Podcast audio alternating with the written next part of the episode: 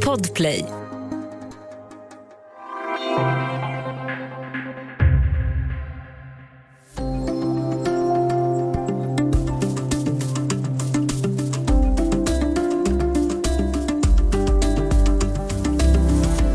Nordkorea har genomfört flera provskjutningar under senare tid, trots att man samtidigt också inlett samtal med Sydkorea. Nyligen fyrade Nordkorea av en robot från en ubåt, andra gånger har det handlat om missiler som kan bära kärnvapen. Varför händer det här just nu? Och vad innebär det för säkerheten i världen? Välkommen till Studio DN. Jag heter Sanna Thorén Björling. Nordkorea är ett av världens mest slutna länder, men på vissa områden vill man visa upp vad man har. Idag säger vi välkommen till Torbjörn Pettersson. Du är gammal Kina-korrespondent under många år och bevakar Asien för Dagens Nyheter. Du har också varit i Nordkorea. Välkommen! Tack så mycket! Om vi börjar först med lite enkel geografi. Eh, vilka länder gränsar till Nordkorea? Ja, alltså Nordkorea har ju tre grannar. De har en väldigt lång gräns, eh, nästan 140 mil lång till Kina och så har de en väldigt kort gräns till Ryssland. Och sen är det då gränsen till Sydkorea som löper över Koreahalvön där. Eh, så de har, det är de tre grannarna de har. Just det. det är ju ett väldigt stängt land med stora också ekonomiska skillnader trots sin urkommunistiska ideologi.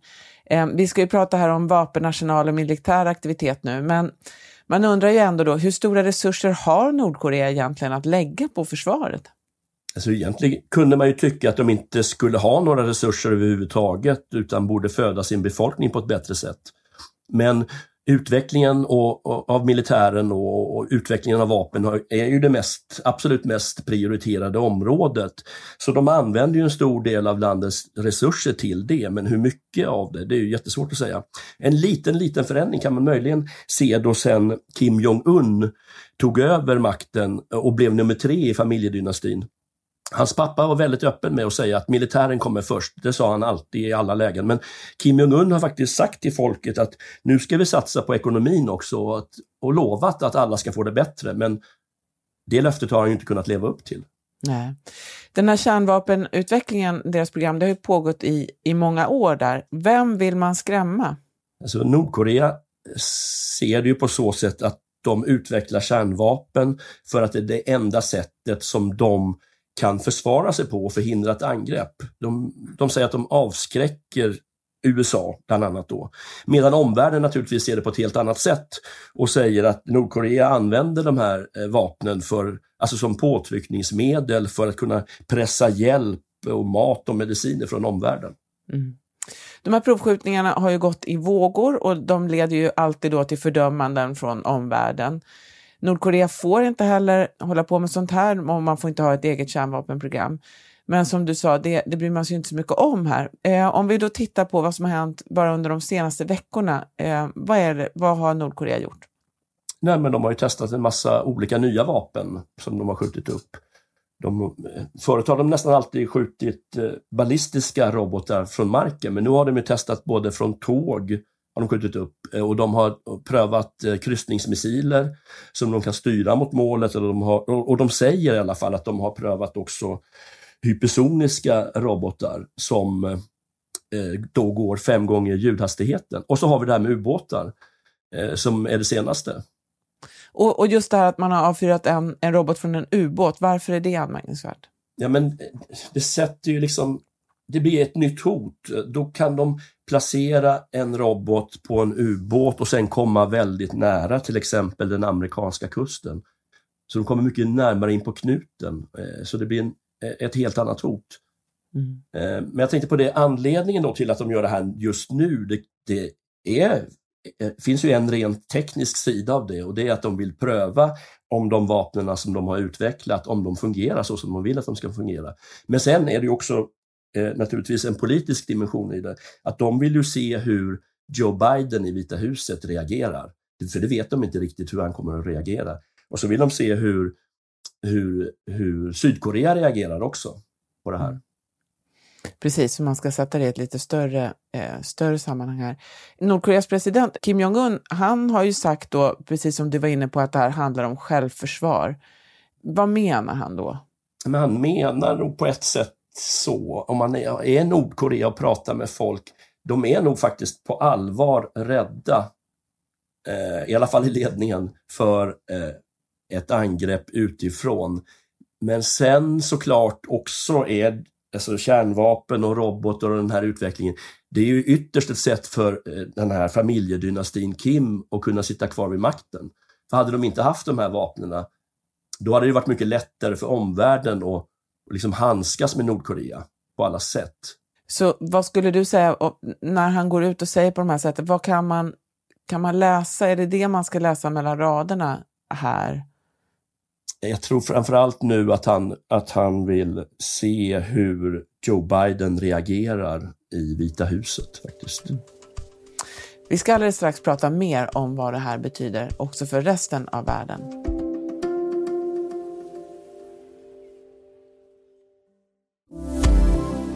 Studio DN idag med Torbjörn Pettersson som bevakar Asien för Dagens Nyheter.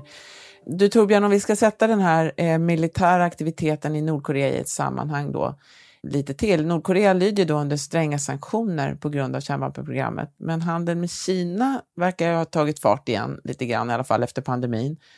Nordkorea som jag förstår det hävdar att man inte haft några fall alls av covid, men man släpper inte in hjälparbetare. Du var inne här också på att presidenten har sagt att, att man vill att hela, hela befolkningen ska få det bättre. Vad vet vi egentligen om hur vanligt folk i Nordkorea mår? Ja, vi vet inte så mycket eftersom eh, diplomater och internationella hjälparbetare som brukar vara i Nordkorea, de har ju lämnat landet för länge sedan. Eh. Men handeln då med, med, med Kina som är den viktigaste handeln för Nordkorea, den stängdes ju då precis när pandemin började. Och då, det var ju Nordkorea som stängde gränsen. De sa att de, vi vill inte ha in några covidfall, så nu stänger vi gränsen. Eh, mm. Och de säger fortfarande att de inte har fått in något, att de inte har haft något covidfall. Men det finns ju då eh, rapporter, även om gränsen har varit stängd, så har det kommit ut rapporter om sjukdomsfall nära gränsen till Kina då, som påminner väldigt mycket om covidfall. Mm. Tidigare har det varit, en del, varit rapporter också om att man inte har haft tillräckligt med mat och så. Det vet man inte heller någonting om.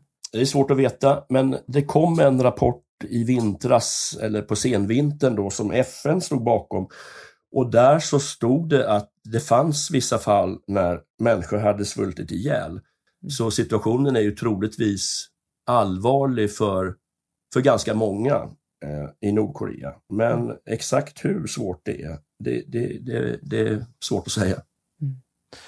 Vi nämnde också Sydkorea som ju är ett nära grannland och som formellt fortfarande befinner sig i krig med Nordkorea. Sydkorea har inga sanktioner mot sig och testar ju egna vapen. Men hur, hur, hur tolkar Sydkorea och andra länder i närheten, också Japan, den ökade militäraktiviteten i Nordkorea? Nej, men de ser, ju, de ser ju faktiskt med oro på utvecklingen. För de måste ju svara på det här på något sätt. Så att det här riskerar ju att leda till kapprustning i regionen. Men Syd och Nordkorea har ju också börjat prata med varandra igen. Är, hur långt har de där samtalen gått och hur påverkas de av det här? Ja, det är ju, det är ju det är svårt att, att liksom prata vidare om fred och sånt när, när Nordkorea just nu börjar provskjuta mer än på väldigt länge. Just när Sydkorea faktiskt sträcker ut en hand och vill, vill börja diskutera fred på Koreahalvön och sånt. Det, men det är, som, det är två parallella spår. Det blir väldigt svårt att se att det ska hända någonting. Och då får man väl anta då att det är som du säger att det är USA som står eh, i vägen här lite grann eh, för, eftersom det är det som Nordkorea vill. Eh, de vill ha ut amerikanerna på banan. Och när Donald Trump var president där så, så testade han ju väldigt okonventionella metoder eh, också i relationen med Nordkorea som många nog minns. Joe Biden som du nämnde, där har det varit väldigt mycket tystare. Mm. Vad tror du, hur resonerar man på den amerikanska sidan? Men USA har testat alla möjliga strategier genom åren. Så Jimmy Carter eh, F, träffade då, efter sin tid som president, så träffade han Kim Jong-Uns farfar Kim Il-Sung i Pyongyang. Det var 1994 och då pratade man om, om de här sakerna. Och sen så har man då blandat in flera nationer, det var sex nationer som under många, många år diskuterade Nordkoreas kärnvapenprogram och kom inte framåt direkt. Och ett tag så hette taktiken strategiskt tålamod. Alltså det gick ut på att omvärlden då skulle egentligen låta Nordkorea fortsätta och, och, utveckla sina vapen och testa dem utan att man reagerade särskilt kraftigt. Och sen kom Trump in i bilden med sina toppmöten som inte ledde någonstans. Alltså Joe Biden har ju sagt att han är villig att prata med, med Nordkorea, men kräver samtidigt att Nordkorea måste göra sig av med sina kärnvapen. För i annat fall så kan det inte bli tal om att lätta på sanktionerna. Och då har Nordkorea sagt att Nej, men det, där vill inte, det, där, det där vägrar vi att göra. Så där är situationen just nu. Mm. Så det är ett ställningskrig kan man säga? Det är som alltid, liksom, det är fram och tillbaka. FNs säkerhetsråd hade ett extrainkallat möte om Nordkorea på onsdagen. Eh, vi vet inte jättemycket om vad som sades där, men vad vet vi?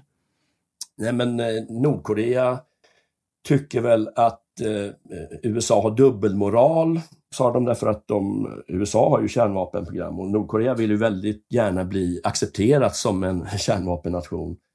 Eh, så de tycker att de behandlas på ett helt annat sätt än andra länder i världen. Mm. Och amerikanerna säger, upprepar som du säger att eh, ni måste lyda annars så händer ingenting med sanktionerna. Mm. Men du som har varit på plats och du har följt Nordkorea under många år. Eh, om man ska se eh, framåt här, vilka scenarier eh, verkar troliga här? Vart kan det här gå? Alltså, allt har ju gått och går i vågor när det gäller Nordkorea. Det är provskjutningar av robotar och hot och sen blir det sanktioner och så blir det samtal och så blir det krav på nedrustning och så blir det löften och brutna löften och isolering och nya uppskjutningar och nya sanktioner. Och så där har det alltså hållit på sedan 90-talet. Så det är svårt att se en fortsättning som skulle vara helt annorlunda. Det hade varit i så fall revolutionerande. Eh, eh, och mest synd är det om det nordkoreanska folket naturligtvis som, som blir utsatta för de här sanktionerna eh, och som blir lidande av det. Mm. Men det känns ju här som att det också är Kina som, som eh, har ju en nyckelposition, eller hur? Som, som viktigaste handelspartner och som de som skulle kunna påverka den nordkoreanska ledningen. Eller hur, hur ska man se på den relationen? Ja, men, så har det varit att när man har infört sanktioner mot Nordkorea i, i FN och så, så har ju då, om inte det är covid alltså, då har ju då, det är den långa gränsen där, nästan 140 mil lång, då har det ju ändå sipprat in varor till Nordkorea från Kina. Det har man ju liksom sett på satellitbilder och allt möjligt. Så det har inte varit så stängt som, om, som resten av världen gärna har velat tro.